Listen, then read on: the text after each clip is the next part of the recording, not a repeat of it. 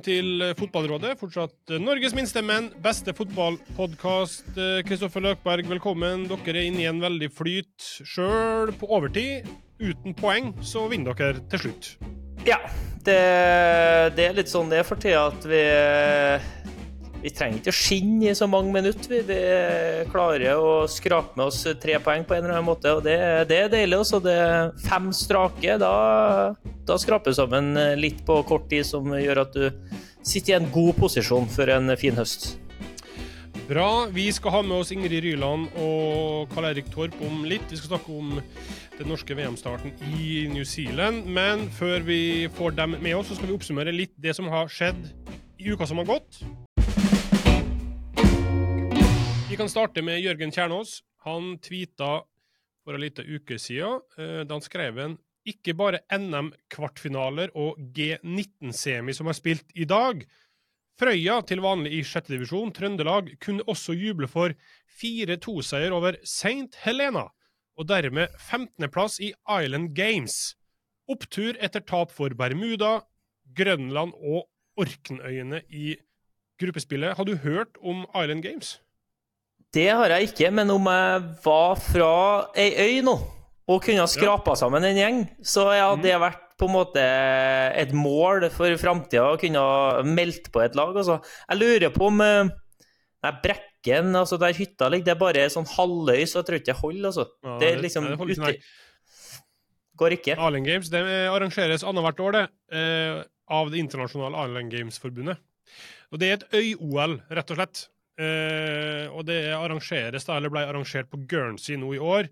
Eh, og blant landa, eller landa blant øyene som deltok, var Jersey, Færøyene, Gotland og ikke Mallorca, men Menorca, faktisk.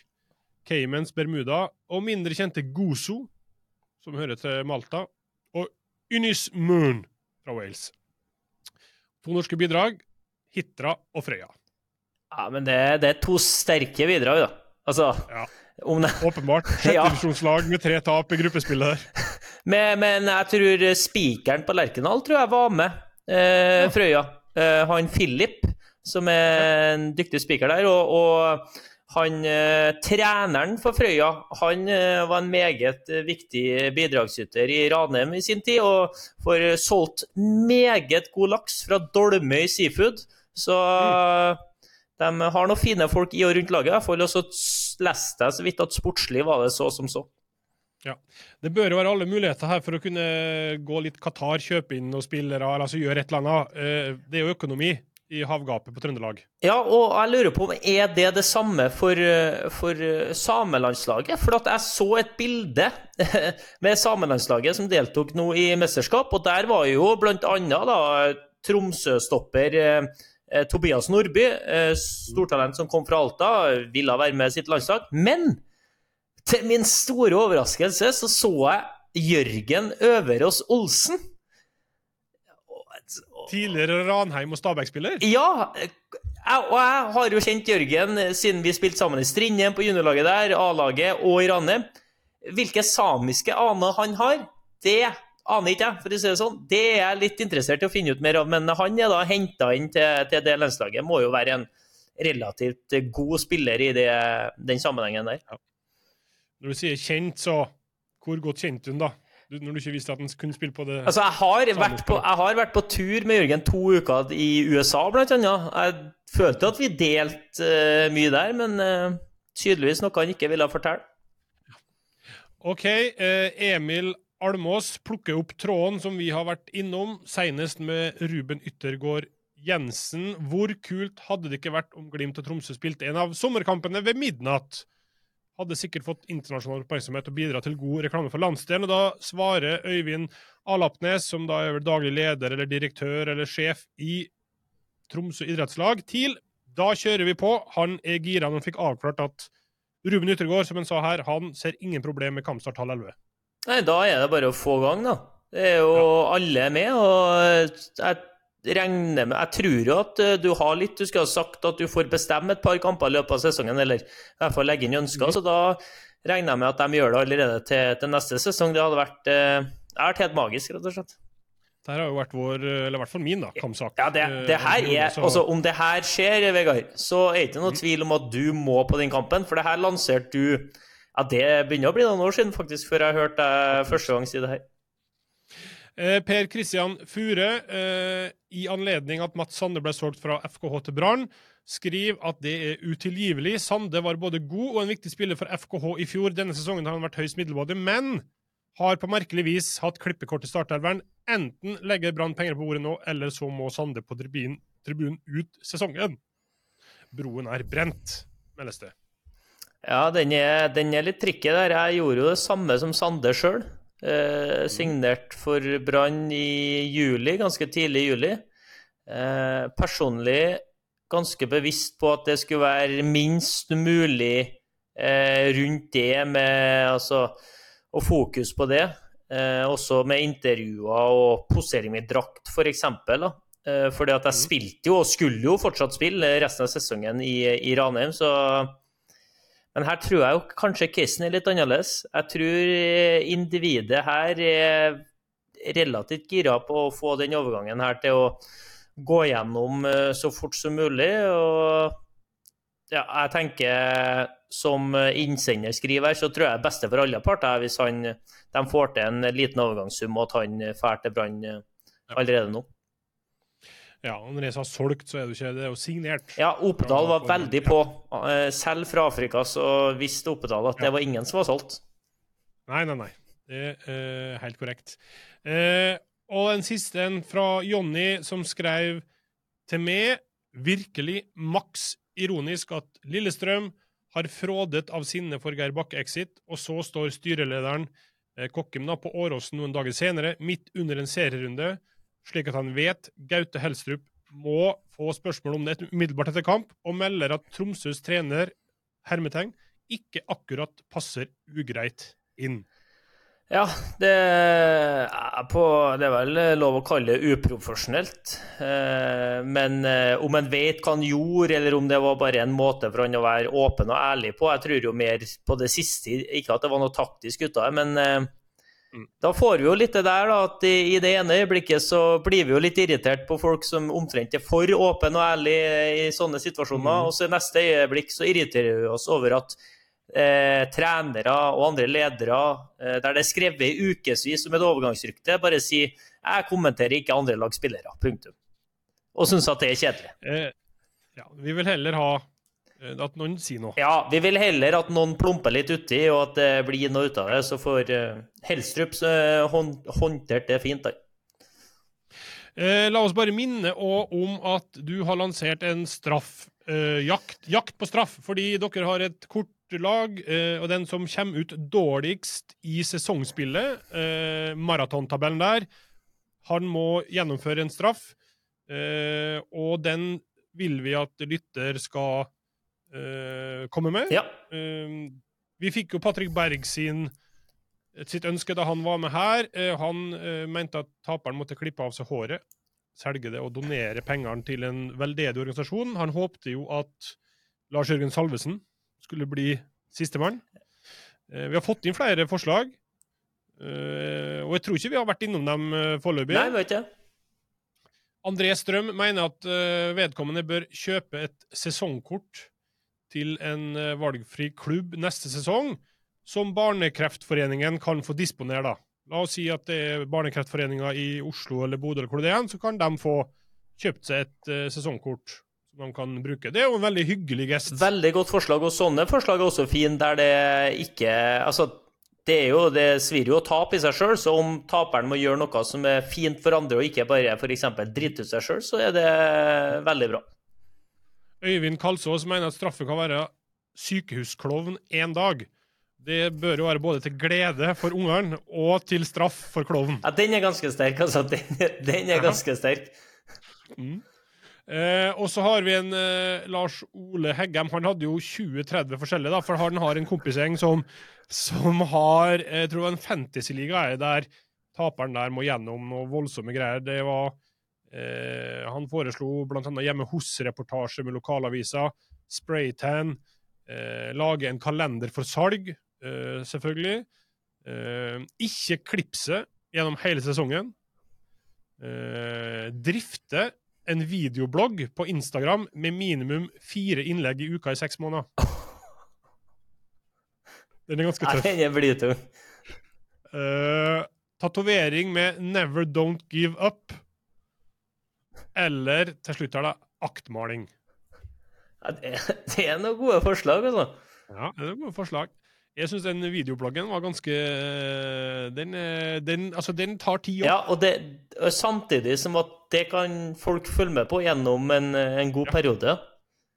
Eh, men det, vi tar jo imot flere forslag, vi. Det er lang, langt igjen av sesongen. Ja, veldig lang eh, siste oppsummering nå er at eh, jeg leder. Eh, 27 poeng. Eh, Slatko Tripic eh, han ligger sist med 22. Eh, Mhm. Tangen har eh, 23, og Salvesen er på 24. Så jeg, jeg, skaffa okay. meg litt av lukke. Det er bra. Eh, send inn forslag til oss på Instagram eller SMS eller eh, Twitter eller Tinder eller hvor det nå du finner oss. I hvert fall med. Eh, og så tar vi en liten oppsummering igjen eh, om ei uke eller to. Eh, og så tror jeg det er på tide at vi får inn gjestene våre, og så prater vi litt eh, VM-fotball. Velkommen til eh, Karl Erik Torp og Ingrid Ryland. Um, dere har sett eh, kamp i dag. Det har vi andre gjort òg. Norge har åpna eh, VM med tap mot New Zealand. Ingrid, um, din, dine umiddelbare tanker etter den eh, 90-minutteren? Ja, nei, det er jo Først så ble jeg jo eh, Man blir jo bare trist. Eh, Litt tom. Eh, Jeg måtte bare gå rett ut på løpetur bare for å klarne hodet litt. Eh, Man blir jo emosjonell, og så eh, når man får, får litt distanse på det, så, så blir man jo litt Hva skal man si? Ja, man blir jo frustrert over Man føler at det er en del ting som kunne vært og burde vært gjort bedre òg. Og så er det jo Ja, det er synd for at de fikk den starten som de fikk. Og så det er ikke over. Det tenker jeg er viktig å presisere. Selv om det føles litt sånn ut. Tidlig å gi opp allerede, ja. Eh, du Karl Erik, du så kampen du òg, var på jobb. Eh, hva tenkte du underveis og eh, nå rett etterpå? Jeg er ganske, ganske mør akkurat nå. Jeg satt jo og kommenterte kampen og, og gikk rett på en annen kamp å kommentere også. Jeg kjenner meg liksom sånn, litt sånn tom akkurat nå. og Jeg deler litt det Ingrid sier, at jeg Man blir jo litt sånn lei seg på vegne av spillerne og de som prøver å og Vi ønsker at det laget skal få til noe. Eh, Vi ønsker at det skal prestere. og det er liksom Jeg får, mye kommentarer om det at man ofte kan framstå litt negativ. og Jeg prøver bare å svare med å si at jeg, jeg beskriver det jeg, det jeg ser. og, og prøve å være ærlig på det. Eh, ikke noe behov for å være negativ, men i dag så var det veldig vanskelig. I dag så måtte man lete litt med lupe for å så Det var utfordringen min underveis i kampen, egentlig. I dag å føle og prøve å se etter i lyspunktene. Se etter hva er det som ser bra ut, er det, hvor er det vi kan hente ut noe som helst, som, hvor er det vi kan snu. da.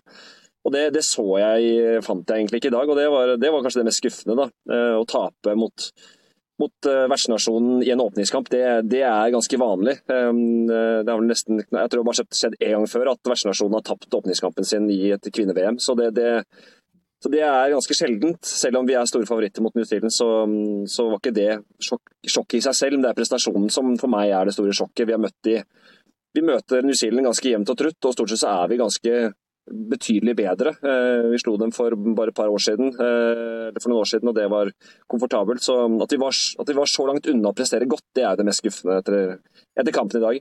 Mm. Du Kristoffer, trente og så bare deler av kampen, så det er vanskelig for deg kanskje å si veldig konkret hva du syns. Men det du så, da, i hvert fall om resultatet i bakhodet, hva tenker du? Jeg kjenner bare på den her skuffelsen, jeg. Eh, som jeg er jo mest Når jeg setter meg ned og skal se VM nå og gleder meg til det, så er jeg jo supporter, først og fremst. Eh, Som de fleste andre. Og Karl Erik har jo sittet i bua med å analysere på en annen måte. Og, og Ingrid har jo uh, følelsene overfor uh, ja, lagvenninna og nesten skulle ha tenkt at hun kunne ha vært der sjøl. Mens jeg, jeg har jo liksom gleda meg til at det er Norge i mesterskap. Og så kan vi snakke eh, frem og tilbake her i løpet av podkasten og bygge opp håpet og trua. Men for meg så svinner det litt hen da, når du, eh, når du taper mot New Zealand, som eh, eh, vri og vent på det hvordan du vil. Dem skal vi slå hvis vi skal ha noe i, i VM å gjøre. Og hvis vi skal ha ambisjoner om å, om å prege mesterskap, da, om å ikke bare delta, men å komme oss videre og kanskje skape en overraskelse eller to. Så nei, veldig kjedelig start. og må jo bare håpe og tro da, at det er mulig å rette på både prestasjon og resultat på tirsdag, men det ser tøft ut det føyer seg på en måte bare inn i, inn i rekken, da. Uh, dette her, og Det er det som gjør det, det ekstra skuffende for Kristoffer. Uh, og på en måte de, de, som på en måte følger laget og ønsker på en måte, som ser det bare for at man skal se Norge vinne. Uh, så Herrelandslaget gjør det, gjør det dårlig lenge, lenge siden de var et mesterskap, vi husker det knapt. Og så er det et kvinnelag som uh, gjorde det fryktelig i fjor. Så man har så mange dårlige opplevelser i hodet, så dette føyer seg bare inn i rekken at så Den følelsen tror jeg veldig mange kjente etter liksom første kvarter i 20 minutter av dagens kamp, når man så at oi, vi er, vi er i samme tralten. Og Det er jo det som, som for meg også er kanskje mest skuffende, at ikke vi har klart å få en annen struktur, eh, en annen soliditet som gjør at vi, at vi kan slå mer fra oss og være mer på topp. Da, for vi føler fortsatt at vi på en måte presterer langt unna det spillerne for, egentlig er gode for. Og det, det var den følelsen vi satte etter EM i fjor også, i hvert fall jeg. at liksom her, Vi har ikke lagt ned og fått til det vi burde få til. Og det der, akkurat det der er jo uh, måte motsatt av det vi uh, vant det fra 90-tallet og storhetstida til det norske landslaget, og også kvinnelandslaget som, som uh, vant OL, at da fikk man mer ut av kanskje et ordinært lag, da, skjedd mot uh, motstanderne. Mens nå har vi, både på kvinne- og herresida, spillere som konkurrerer i den ypperste uh, verdensklasse i sine klubber i hverdagen. Så det, det kjenner jeg på som en så stor skuffelse at vi ikke klarer å skape et kollektiv som i større grad får fram de enerne vi faktisk har, da.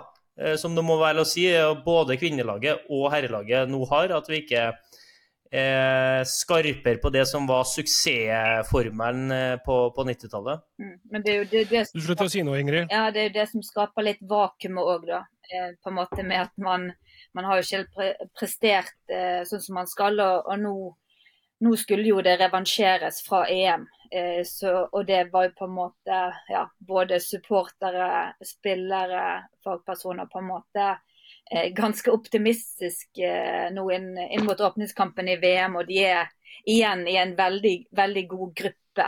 Eh, sånn at det er nesten eh, Nå er det jo litt merkelig å si, men en i utgangspunktet enklere gruppe enn nesten enn de var i, i EM òg. Eh, men, men ja, det, og det er jo liksom det når de har de spillerne på papiret, men samtidig om man faktisk skal se hvor lang tid og hvor mange samlinger man har hatt eh, Hege Riise og co. har hatt med den troppen som er i VM nå, så er det jo heller ikke så lang tid. Da. Så Det er jo det som blir på en måte, det er jo det som er utfordringen med landslagsfotball. da. Men samtidig så er jo det Jeg syns jo sånn som du sier, Karl Erik, i dag med, med, det med prestasjon, det er jo det som er det, er det som er det skuffende. At man tenker sånn OK, de ti første minuttene, det er en åpningskamp i VM, det er litt nerver. Og så forventer man kanskje de neste fem ti minuttene at de skal riste de av seg og på en måte finne, finne rytmen, finne den røde tråden i det, det, taktiske de har øvd på for å fremstå mer som et kollektiv. Og det kommer jo aldri i dag. Det kommer aldri verken defensivt eller offensivt. Så når man kommer til pause, så forventer man jo da en plan eh, B eller C, bytte om på treeren på midten. Hva gjør man når man ikke har momentum i en kamp? Sant? Ja, de, har, de må jo ha forventet seg en, en krigerkamp her i dag. Det har jo de. Sant? Og lange baller har de òg forventet. Det vet jo de at New Zealand kommer med da. Skal da Tyve Hansen spille som en wingback når det er en firer bak? Eh, skal de ha bare én defensiv midtbane? Eh, disse tingene her, det er jo kanskje kampledelsen eller at noen spillere utpå der kjenner igjen. OK, nå må, nå, vi er ikke inne i denne kampen i det hele tatt. Skal vi bare få corner og kast høyt opp i banen, så vi får noe momentum. Det er jo det eldste trikset i boken. sant? Men man ser ingenting av det. Og det er litt sånn Det har jo ikke gått på skinner. så det er litt sånn, Og selvfølgelig har jo de de scenarioplanene, men man, bare, man ser jo ingenting av de i dag, da. Så da blir man jo litt sånn Hva er det man Hva forventer man i dag, da? Jeg vet ikke. Mm. Eh, helt konkret, Karl Erik, i den grad man greier å være det liksom eh, nå, hva syns du er det som svikter mest? Hva er på en måte, kan man plukke mest på? Er det totalbildet, eller er det laguttak? Er det ja, spillevalg? Ja, nei, Laguttaket syns jeg for så vidt er greit. Det, er, det, er, det, er, det, er, ikke det man føler man kan ta det på, men det er litt sånn vi er innom her nå. da. Nå har de hatt tid, ganske lang oppkjøring til dette mesterskapet i forhold til å, og de sier jo selv at de har jobbet mye, og vi vet det. vet det fra rapportene, vet det fra de inne i gruppa som har snakket med, at de jobber veldig mye i, spill 11 mot 11. Har jobbet mye struktur, mye offensivt i treningene jeg har sett live selv, så er det veldig jobber offensive mønstre. Så det er jo på en måte første mest skuffende jeg kan liksom trekke fram. Da, at liksom, Hvorfor ser vi ikke det igjen? Hvorfor er det ikke liksom, hvor er, hvorfor stemmer det ikke? Hva er det de har øvd altså, Hvorfor får de ikke fram det de har øvd på? Og så må de på en måte også håndtere at det ikke akkurat blir sånn som man forventer. Ikke Det her vet jo alle vi som Kristoffer uh, også. Når man, man, øver på trening og setter opp en mønster og får tegnet opp sånn og sånn. Jo da, men fotballspilleren ute på banen Det er ikke sånn det ser ut når du, når du spiller kamp. Når du har en stolpe der og uh, rettvendt rom på indreløper er der, ja, men hva skjer når ikke det rommet er, er, der naturlig? Hvordan kan vi tvinge fram det rommet? Hvordan kan vi ha ro nok i oppbyggende spillet for å, for å få det fram? Og Det er nummer to, som, vi, som ikke har vært innom ennå, som, som, vi må også være dønn ærlige på, er at feilprosenten til de norske spillerne i dag er ekstremt høy. Og Det er jo sånn som man ikke kan gjemme seg unna. Jeg synes jo, synes jo på en måte til en viss grad, før under Martin Sjøgren spesielt, så, så unnskyldte jeg det litt, litt, mer med at jeg følte at de er satt i situasjoner som de i dårlige situasjoner i forhold til å håndtere det selv. Mens her så føler jeg at vi må forvente mer av spillerne til å klare å, å, å ta ned ballen, treffe på en pasning. Enig, Ingrid? Mm, ja, delvis. Jeg bare vet som, som spiller uh, sjøl og når så mange gode spillere, og det var jo når Sjøgren òg uh, presterer så dårlig og ikke vi kan se på kampplan eller uh, noe som helst, så, så, så, er det selvfølgelig treffe på en pasning og alle disse tingene Eh, er jo selvfølgelig Spillerne kommer jo til å ta sin del av ansvaret. Men ikke det kollektive fungerer så til de grader som i dag, så syns jeg definitivt at det er et trenerproblem. Og det er jo litt sånn sånn at Engen får masse slakt i dag, f.eks. Men når du ser på avstandene, hvordan den midtbanen er organisert, så er det heller ikke så veldig rart at hun ikke er god i dag. Eh, sånn at eh, jeg syns på en måte at, eh, at selvfølgelig at spillerne må ta eh, sin del av ansvar. Men jeg syns òg at hvis det var det at de skulle være mer direkte etter pause, så, så stiller jeg litt spørsmålstegn eh, med det. da, At det er det som er kampplanen. og det også, Um, på en måte sliter vi, de, uh, den, altså sliter vi med avstand og organiseringen defensivt, først og fremst. Få det på plass. Og så um, kan man spille de enkle pasningene uh, deretter. da. Um, ja, nei, så jeg syns, at det var ganske mye som skortet på kampledelsen i dag, det må jeg si. og det Kanskje det tydeligste eksempelet kom jo når Thea Bjelde måtte ut. Eh, og de setter inn på Anja Sønstevold, så har du Sofie Romanhaug på benken, og du jakter mål. Da har rullegardinen gått ned, det må jeg bare si. Eh, og det, ja, det, det, tror jeg på eller i hvert fall at ikke det er en offensiv spiller som kommer inn. Eller at man kan sette inn på Marit Brattberg Lund, som har en sinnssykt venstrefot istedenfor en ja, Emilie er kanskje tofotets, men i dag så hun jo mer høyrefots eh, eh, dreid ut eh, kant som kant. Eller Guro Reiten opp på kanten, da, som egentlig man satt ganske tidlig og ville ha hun litt høyere ut på kanten eh, for å få nettopp de leggene. Når man så at Ada får mye oppmerksomhet, så kanskje ikke det er hun som skal skåre målet i dag, men nedfallsfrykten som mm. Månum var på en del ganger, da. Eh, og der Månum igjen. Skulle man ta ut Månum, som hadde Norges største sjanser ja, Det er bare litt, en del sånne ting som jeg sitter igjen med. Eh, og Det kan være grunner selvfølgelig som vi ikke vet noe om. Men det, det er noe Det er litt for mange av de fra denne kampen, kjenner jeg, til at jeg klarer å eh, ta dette her helt på spillerne. Eh, det må jeg si. Du Kristoffer, du får ta litt sånn rollen som den hjemmesittende supporteren, da, eller den som ønsker og vil og håper. Eh, jeg vet ikke hvilke forventninger du har hatt. Altså, Vi har jo eh, Vi kan jo ramse opp verdensstjerner, liksom. I hvert fall offensivt. I store klubber som gjør det utrolig bra. Og så er det litt som på herrelaget, når de kommer på landslaget Hva skjer? Ja, da, da stiller jeg meg spørsmålet om jeg har jeg for store forventninger. Altså, Er vi så gode som vi tror vi skal være? Og, eller er det at eh, kvinnefotballen utvikler seg i en rasende hastighet ut i den store verden, eh, og vi er eh, også i riktig, riktig, retning her hjemme i Norge. Men når nasjoner med ok, New Zealand dem skal vi slå, men sånn på generelt grunnlag, da, men nasjoner med eh, veldig mange flere mennesker enn oss begynner å skyte virkelig fart i den utviklinga, så eh, skal vi jo naturlig nok havne litt i bakleksa. Eh, men så er det som du sier, da, at vi har jo spillere som hevder seg på internasjonalt eh, høyt nivå. Så er det noe med den Er de gode, da? For når de er en del av et miljø som er på enda høyere nivå, kontra når de må være eh, i et norsk landslag. da. Eh, kanskje bære laget litt i større grad og eh, må bruke andre ferdigheter i en fotballkamp enn det de gjør til vanlig i, eh, i, i sine klubblag.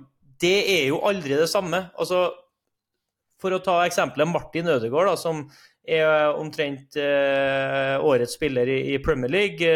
Når han kommer på det norske landslaget, så har jo han en helt annen rolle.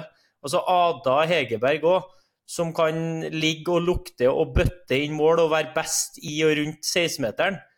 For det norske kvinnelandslaget så blir den rollen en annen. Så der kanskje vi får litt sånn eh, skeive forventninger kontra hva, hva, som er mulig å oppnå på samme vis når du spiller for et norsk eh, landslag som har eh, andre forutsetninger for å, for å lykkes. Da. Men eh, som jeg sa tidligere, jeg skulle ønske at vi med eh, et godt kollektiv skulle ha fått enda mer ut av dem. Et godt kollektivt forsvarsspill, f.eks., for som jeg har også sett Karjeka har vært eh, innom mye i forkant av mesterskapet, at vi er langt unna uh, de beste. At hvis det hadde vært enda bedre, så tror jeg at man har fått mer ut av Graham Hansen, Guro Reiten, Ada Hegerberg offensivt uh, også. da. Og det, det, skuffer meg litt. Men jeg, stiller spørsmålet har, mulig at jeg har for høye forhåpninger og forventninger kontra det vi, det vi, kan og bør ha. Hva kan du si der, Ingrid, hva bør vi kunne forvente? Hva er liksom, Hvis landslaget leverer det som er realistisk og bra, og kanskje litt over, hvor havner de hen da i et VM-sluttspill? Nei, da havner de eh, Ja, de havner jo i en kvart eh, semi. Det er tatt og tegnet opp. og klarer de, Det var litt sånn hvilken, hvilken reise. Dette var før kampen i dag. Vil man at de skal ha? Eh, skal de på en måte få en, en enklere åttendedels mot potensielt Japan og møte USA i kvarten? Eller vil man at de skal møte Spania åttendedels og få en enklere reise til semien? Der, der var liksom jeg før kampen i dag, da. Eh, hvis de da havner på andreplass i sin, sin gruppe. Og om man skal være ekstremt positiv her, da, og det kan jo være kjekt å være av og til, eh, så får de jo en andreplass. Eh, så hjelper Meril Abrahamsen og Filippine altså litt på veien her i morgen. Og så får de en andreplass i gruppen, og så tar de Spania, som i utgangspunktet er et veldig bra fotballag, det er ikke det, men de har jo sine friksjoner der etter eh, spillere som har vært ute og boikottet, har kommet tilbake og tatt plasser på laget, og spillere som ikke prater sammen. Og, ja, det går ikke på skinner helt der heller, da, man kan si i hvert fall utenfor banen. Eh, så vi satser på at den friksjonen da hjelper litt Norge i åttendedelsfinalen. Så tar vi Sverige i kvarten, og så kanskje vi ryker mot eh, ja, USA i semien der. Det... Så med litt flyt så er vi i semi? Ja. ja. Hva tenker du, Karl Erik, etter i dag? Er du fortsatt Ja, du ler. ja, ja, men når man tegner opp Jeg bare, jeg bare ler litt av litt, litt flyt. Ja, ja, ja litt, litt, flyt skal vi ha. Litt, litt flyt vi ha, da er det semi. Nå er det sånn litt flyt, så er vi eh, litt flyt, så, litt flyt, så slår vi Sveits, tenker jeg da. Ja, Det kan oppsummere litt norsk landslagsfotball òg. At eh, man eh, ofte sitter igjen og er så skuffa over at man ikke fikk til det man ønsker å få til. Og så klarte man heller ikke å gjøre som Ferguson sa. It's about to find a way to win. Og det trenger liksom ingen som tenker på det i ettertid. Så du bare klarer å rive med deg noe selv på en dårlig dag. Og det, det føler jeg ja, det, det, bare satt på det klarer vi aldri. Altså, norsk, vi sitter alltid igjen og så skuffa over at vi ikke var på vårt beste. Men kan ikke vi bare ta med oss en seier? da? Ser Skottland på Ullevål, liksom. Det er jo et møkkalag rett ut. Altså, de spiller jo en kamp som er altså, De er dårlige, rett og slett. Men de klarer jo på forunderlig vis å, å, vinne den kampen, da, som blir helt avgjørende. Og så håper jeg at de må, de må sette seg ned etterpå og tenke at spiller vi ti sånne kamper, så taper vi oftere enn vi vinner. Men uh, vi får evaluere videre og øve oss. Men i dag så gjorde vi i hvert fall det viktigste, å vinne og ta med oss tre poeng. Du får jo arbeidsro på en måte. Klarer du å vinne på dårlige dager, så er jo det, det er jo ja, perfekt uansett. Sant? Så, og spesielt i mesterskap og den posisjonen som Norge er i nå. Men å, å, vi er jo òg, tror jeg, i forhold til internasjonal sammenheng, både England, Spania, Tyskland vi er, også, eh, vi er veldig opptatt av det kollektive eh, og lagspillet. Mens ser du på Chelsea, Barcelona, det er òg veldig mye bare individuell kvalitet som gjør det for dem. Taktisk er på en måte Norge er, i utgangspunktet skal være på et ganske sånn høyt nivå, sier Alexander Straus òg i Tyskland. Eh, Bayern München er ikke i nærheten av å ha hatt den coachingen som på en måte vi hadde i Brann og Sandviken, og det taktiske nivået. Der er det mer individuell kvalitet og spillforståelse per, og de bare dundrer på, liksom. Og det er jo på en måte, Sånn sett kan jo det være en styrke for andre lag i internasjonal sammenheng kontra vi er veldig sånn skal lene oss på den røde troen, den store planen og det store laget, da. Eh, som andre lag ikke alltid internasjonalt er helt avhengig av heller. Mm. Eh, OK. Eh, men har vi da de rette typene, da? Karl Erik, til å grinde ut, som er litt Nå tabloidiserer og forenkler veldig, som er de klassiske vinnerskallerne som bare gir litt faen, som sparker ballen til helvete, tar et uh, gulkort, er den der kyniske skotten som uh, får det resultatet på Ullevål de vil ha, og drit i hvordan det ser ut? Eller skal vi liksom på en måte spille god fotball, eller hva det nå ja, er? Jeg syns vi er litt som i litt i ingenmannsland, kanskje, på de tingene der. Uh, vi har ikke den kulturen i oss som som du snakker om, da. Vi er ikke oppdratt med den uruguayanske mentaliteten hvor, hvor fra de er uh, fem år, så handler det om å vinne. Uh, helt rått. Og så jo, er det mange Vi ser jo det at det er mange plusser ved den norske idrettsmodellen. Det ser vi jo i flere idretter nå, at det, det, vi lykkes jo. Uh, men hvem lykkes, og hvilket miljø kommer de ut av? Så det er på en måte en stor diskusjon, det. Men jeg syns vi savner det. Vi ser jo det på herrelandslaget. uten at vi skal sammenligne. Jeg liker jo ikke å sammenligne sånn, men altså det, vi ser jo at det, litt det samme problemet er i utviklingen av um, spillere av begge kjønn, egentlig. At vi mangler litt sånn, mister litt typer, kanskje. Um, offensivt så har vi, vi veldig, veldig gode typer, men jeg syns jo vi mangler en del sentrale spillere. Det, dette har jeg sagt gjennom herrelandslaget vårt som, som, har vært et problem, at vi mangler noen helt sentrale typer der også som, som gjerne skulle bytta bort en verdensstjerne på topp. Altså en Erling Braut Haaland. Hadde vi hatt verdens beste, hadde vi hatt Luka Modric på midtbanen til Norge, mm. så hadde vi vært i et mesterskap. Det er liksom litt sånn Hvilke typer har vi? Uh, vi har uh, fantastisk Caro som gjør det bra i Barcelona, men i Barcelona så spiller hun med bare verdensstjerner. Uh, Ingrid Syrstad Engen er der, men for henne også er rollen hennes helt annerledes i, i Barcelona, hvor hun kan dytte ballen mye mer trygt og rolig enn at uh, her på landslaget så må vi plutselig ta Kristoffer uh, var inne på det litt i stad, at her må på en måte, de spillerne gjøre litt andre roller da, som de ikke virker helt komfortable med. og det, da, da, ser vi at måte, det, vi ikke har de kvalitetene. Så jeg skulle gjerne sett at vi hadde en Kira Walsh på, en måte, på midtbanen til Norge istedenfor Jeg vil ikke bytte bort da norske spillere, for så vidt, men, men i forhold til å få et bra lag. da så mangler man kanskje den, der, den ene stopperen som, som, eh, som, er i sin beste alder, og som, eh, som, rydder opp de gangene det brenner på dass, da, som jeg pleier å si. Eh, I dag så har vi et landslag som sliter veldig når vi havner i problemer. så så blir det større problemer. Vi har ikke de spillerne som klarer å Og når det, vi havner i litt problemer, så, så rydder en opp, og så får vi roa det litt ned. Eh, det blir veldig lett sjanser, da. Så det, det syns jeg er flere ting her. Men det er jo uh, ja.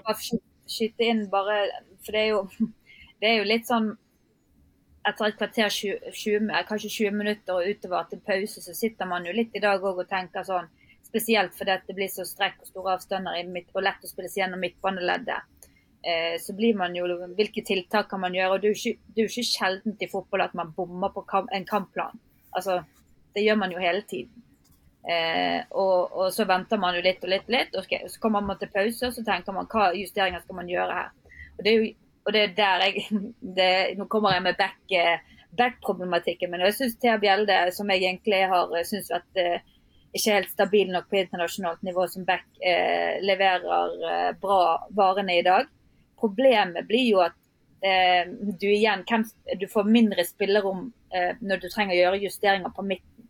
Tuva Hansen eh, kan òg funke som back, hadde ikke dagen i dag, men hun er mye bedre som stopper. og Det har man sett òg nå når hun har tatt nivået ut til Bayern München. Og Det gjør jo òg at og hun hadde jo ryddet første målet. Det, det, er jeg 100 sikker på. Nå vet ikke jeg om hun kunne sprunte 100% med den hamstringen, men det, hun spilte, så det får vi anta. Men, men det at spillere som ikke spiller i sine beste posisjoner Én eh, ting er Thea Bjelle gjør jobben i dag, men det gjør jo at hun ikke kan gå inn på midten og gjøre den Terja-jobben og bli skitten på shortsen. Eh, gjøre en takling, ta et gult kort som en sekser f.eks. Eh, så det begrenser jo òg mulighetsrommet. Om man kanskje er litt nølende med Vilde Bør Risa fordi at hun ikke har ja, Da må de i hvert fall spille med to midtbanespillere hvis man tenker på forflytningsevne og store avstander. da. Eh, selv om hun er ballsikker og spiller. Eh, så det, det, de ulike valgmulighetene blir begrenset når folk skal spille i posisjoner som de òg ikke er best i. da. Eller som er deres eh, posisjoner på, eh, i, ja, i, klubbene sine. da. Ok, Vi tar et par lyttespørsmål når vi først er inne på tematikken. nær sagt. Dette går til dere som er eksperter Ruby spør om man uh, tør, som ekspert, å være like kritisk til kvinnelige spillere som herrer. Han eller hun, da, Ruby, savner ærlighet. Er det noen av dere som kjenner seg igjen i det, eller er vi, er vi forbi det greia der? Du har vært lengst i gamet, Torp. Jeg vet ikke om du vil uh, si noe? Ja, altså Min hverdag er jo er jo mye begge deler. Um, og det Jeg føler det går veldig uproblematisk. Uh, men det handler jo om, og det hadde jeg vel en, en slags kronikk for, om, for en stund siden, at jeg, man Det handler om å kjenne, kjenne til produktet, da. Uh, kjenner man til produktet, så er det ikke noe, syns ikke jeg det er noe problem å være, være ærlig og kritisk. Uh, så får jeg av og til får jeg alltid noen meldinger om at man kan være litt negativ og, og, og sånn, men det, kanskje det er, det, er, det er, nok litt meg av og til, kanskje. Men, men eh, det å være ærlig og tydelig og, og, og direkte tilbakemelding, synes jeg det handler om å ta produktet på alvor. Eh, og for min del å komme inn i kvinnefotballen som jeg gjorde i eh, kanskje 2018. Altså sånn, da kom jeg inn og jobbet i NRK og begynte å jobbe der og, fikk muligheten til å jobbe med, med toppserien. Og, og, det var jo en bratt læringskurve, det å på en måte se se produktet, eh, kjenne produktet, eh, forstå hva er det som er bra. og Det synes jeg er jo, det er jo kjempe, et kjempeproblem som fotballen har. I forhold til at du har eh, et allemanns, det er idrett som er allemannseie. Alle har et forhold til det, stort sett. Alle ser masse fotball. Det er ikke like mange som ser håndball på en måte, og ser plutselig kvinne, kvinne, kvinnelandslaget i håndball også, og er kritisk til de for ikke de får til det samme som gutta. Men, på, men for jentene så er det, et liten, det er en det er en liten utfordring for det produktet, rett og slett. At man har for nært eh, topproduktet i Premier League, eh, Champions League. Og det har man egentlig også i Eliteserien, at man, ser, man sammenligner også der også. Det er også urettferdig, eh, for det er, det er, noe annet. Eh, og Derfor mener jeg at liksom det, å, det, å, hylle eller være kritisk til en keeper som man ofte liksom kan trekke fram som er en stor forskjell Det er en enormt stor fysisk forskjell på kvinnelige keepere og, og mannlige keepere. Og det å forvente at en, en kvinnelig keeper skal kaste seg bakover og, og, og, ta noe som går opp under tverrliggeren, det det er urettferdig. Um, og da blir det feil som er ekspert å sitte og, og være kritisk til det. Og Det er jo noe handler om å, å kjenne produktet og forstå hva er det som er hva er svakt av en keeper, en kvinnelig keeper, og hva er bra. Um, og Det syns jeg fortsatt er vanskelig, for det er ikke mitt produkt. Jeg har ikke jeg har ikke vært på de, alle de treningene som Ingrid har vært på og spilt med disse spillerne og, og, kjenner det på samme måte på kroppen, men nå har jeg jo tross alt kommentert og jobbet veldig mye med det, så jeg føler i hvert fall at jeg, jeg nærmer meg en ganske god forståelse av det. Men, eh, men innimellom så kan jeg også bomme på det, og, og, og, da kan man kanskje oftere være litt sånn redd for å være kritisk nok og, ta det. Og det tror jeg, bare for å avslutte det da, så tror jeg veldig mange som ikke kjenner kvinnefotballen, kan høre meg kommentere en kamp og føle at eh, hvorfor er du ikke mer kritisk til det der? Fordi de, de skjønner at det er, det er ikke dårlig av den spilleren. Eh, det er ikke dårlig at den spilleren ikke klarer å slå den pasningen 60 meter. For for en kvinnelig fotballspiller så er det noe helt annet å slå en pasning på 60 meter stillestående enn det er for en mannlig spiller. Og som mannlig spiller kan man si at det er, det er forventet, men også en kvinnelig spiller kan det være verdensklasse å få til den pasningen. Så det er faktisk to, en stor forskjell. Det er en, det er en øvelse, det der. Eh, jeg kan bare si for min egen del, som er fersk i ekspertgame, at jeg har jo jeg merker jo dessverre motsatt. At som spiller også er man ekstremt opptatt av detaljene og hva som kan bli bedre. Så her, her mitt Og det merker man dere kanskje. Og når jeg snakker om kampen så er, det, så er man jo veldig vant til å analysere kamper fra det perspektivet, da. Så formidlingsevnen går rett i, rett i utvikling og forbedring fort. da. Og da blir det jo fort eh, kanskje oppfattet som litt negativt. da. Men jeg tror nok det er i hvert fall veldig viktig for produktet. og, og, og som Karl Erik sier, at uh, skal man ta det seriøst, så må man ha begge deler og vite hvor listen ligger. Syns du overgangen har vært øh, vanskelig for din del? Altså er det, Kan man liksom bare knipse, og så kan man være kritisk mot hvem man vil, eller øh, trenger man litt tid? rett og slett? Jeg har ikke så problemer med å være kritisk. Fotball er jo ikke svart-hvitt, og det er jo på en måte eh, eh Rollen som ekspert er jo òg en, en, en, viktig rolle i, i, hele denne sammenhengen. og Det handler jo om bare det som Karl Erik sier i sted, det, bare det er jo om likestilling. og Eh, mm. Men jeg synes det, det, er jo mer den formidlingsevnen at man ikke bare hopper rett i kritisk når det egentlig er et sykt bra mål, men det er jo alltid noe som kunne vært gjort bedre enn forsvarsspilleren. sant? Der er jo jeg litt. Sånn at det, eh, det å på en måte hylle og, og, å ta, ta, den rollen, det, det syns jeg var gøy. Men det har vært en, en stor overgang.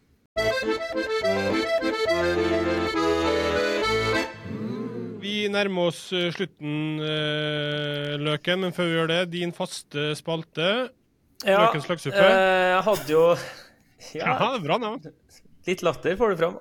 Ja, det er jo også de avslører seg om at de ikke har hørt podkasten, Vegard. Så det er jo både bra og dumt samtidig. Men det var jo da forrige uke, når vi spilte inn med, med Svein, så hadde jeg en fryktelig dag. Det var jo en opptur å spille inn podkast, men dagen der den eh, håper jeg ikke opplever, opplever igjen. For kvelden før så hadde jeg vært på, på jobb med bl.a. Karl Erik på Intility. Eh, det er da i Oslo. Eh, og da er utfordringa mi at jeg må fly hjem tidlig dagen etterpå for å rekke trening der vi har frokost klokka ni.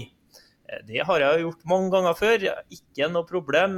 Flyr jo bare litt over sju, og så turer vi rett og faktisk er for tidlig ut til stadion, eh, vanligvis. Men den gangen her så eh, ville det seg annerledes. Og jeg tror alle kjenner igjen den fryktelige følelsen av å forsove seg. Men det å forsove seg i feil by, det er verre. For når jeg la meg så kjente jeg liksom på laderen av telefonen at her var noe som lugga litt. Så jeg la meg til å sove, og så klarte jeg ikke å sove, og så kjente jeg Lader egentlig telefonen, så jeg måtte dobbeltsjekke. Ja, telefonen lader. OK, har på tre vekkerklokker og lukker øynene, koser meg med det. Våkner eh, av meg sjøl, da, selvsagt, på hotellrommet dagen etterpå og kjenner at klokka er faen ikke Det, det står ikke sekstallet på den klokka. Eh, mobilen har selvsagt blekka, jeg skrur på TV-en, for det var eneste klokka jeg hadde, og ser at klokka er 08.20. Altså, den følelsen der det jeg tror jeg aldri har opplevd maken. For Hadde jeg nå våkna her da, i min egen seng, så hadde jeg jo bare kjappa meg ned og fortsatt drukket frokost. Problemet flyet gikk 07.40, og jeg var helt fucked. Hadde jo ikke da bank-ID på telefonen, for den var jo blekka. Jeg fikk den ikke i gang. Jeg fikk åpna iPaden min, ringt fruen på FaceTime. Hun fant i flybillett. Det var én billett ledig på 11-flyet eh, med Norwegian. Én billett, og da Jeg måtte jo bare kjøpe den, da, koste hva det koste vil. Tusla ganske slukøra inn på stadion der eh, kvart på ett. Treninga var ferdig. Var bare å peise seg inn på gymmen, kjøre Jeg var så sint når jeg sprang på en mølla pluss ei styrkeøkt etterpå, men uh, det verste av alt at uh, Kalle og resten av gjengen i NRK jinxa det og spurte hvor mye er det i bot og sånn hvis du kommer for seint og bla, bla, bla kvelden før. Så ja, jeg blødde i botkassa. Uh, stoltheten min blødde når jeg for første gang på fire år forsov meg, og attpåtil det var i en annen by, så det skjer ikke igjen. Jeg unner ingen følelsen av å forsove seg. Det er det verste. Det er noe av det verste som finnes. Eh, det går nok bra. Du spiller jo ikke likevel, Kristoffer, så du er ikke noe viktig for laget. Så det her går helt fint. Jeg, faktisk, jeg, jeg fikk faktisk den her da, sendt av uh, Morten Jensen når jeg måtte uh, få tak i den og si at her har det skjedd en skandale. Så klarte han å gi meg et lite stikk. For det, det, det jeg kjente på at jeg vet jo hvor viktig det er med antall på trening og planlegge og få det her til å gå opp med det man skal øve på. Spesielt på torsdager er det en viktig treningsdag. Så jeg sendte han sånn ah, ja, ja, sånn som skjer, skal ikke skje. Men nå er vi bare 19 og ikke 20, så det blir jo litt vanskelig å få det til å gå opp. Bare for å gi meg en liten en. Ja, bra. Kjenn litt på uh, samvittigheten der. Bra, OK. Uh, vi skal avslutte. Hadde ikke, hadde ikke vært verre Kristoffer, hvis han sagt at ja, det går bra, for du var nummer 21. Vi har, vi har 20, og du var nummer 21. Så det skulle egentlig ikke spilt. Ja, om jeg har vært innbytter på trening også, ja. Det har vært verre. Så, så det, ja, det får være slutten på historien. Det, det var ille, men det kunne ha vært verre. Men vi vil jo vite hva du fikk i bot. Det som var at Jeg, jeg er jo botsjef, så jeg våkna og var irritert. Og det første jeg gjorde når jeg fikk på telefonen, var å, sette, uh, gi meg sjøl 2000. Og så er det opp til gruppa hva jeg får utover det. Så får vi se om de er snille eller slemme. Birker Bjarnason mente at alle skulle skrive på en lapp hva de mente jeg skulle få, og så skulle jeg få snittet.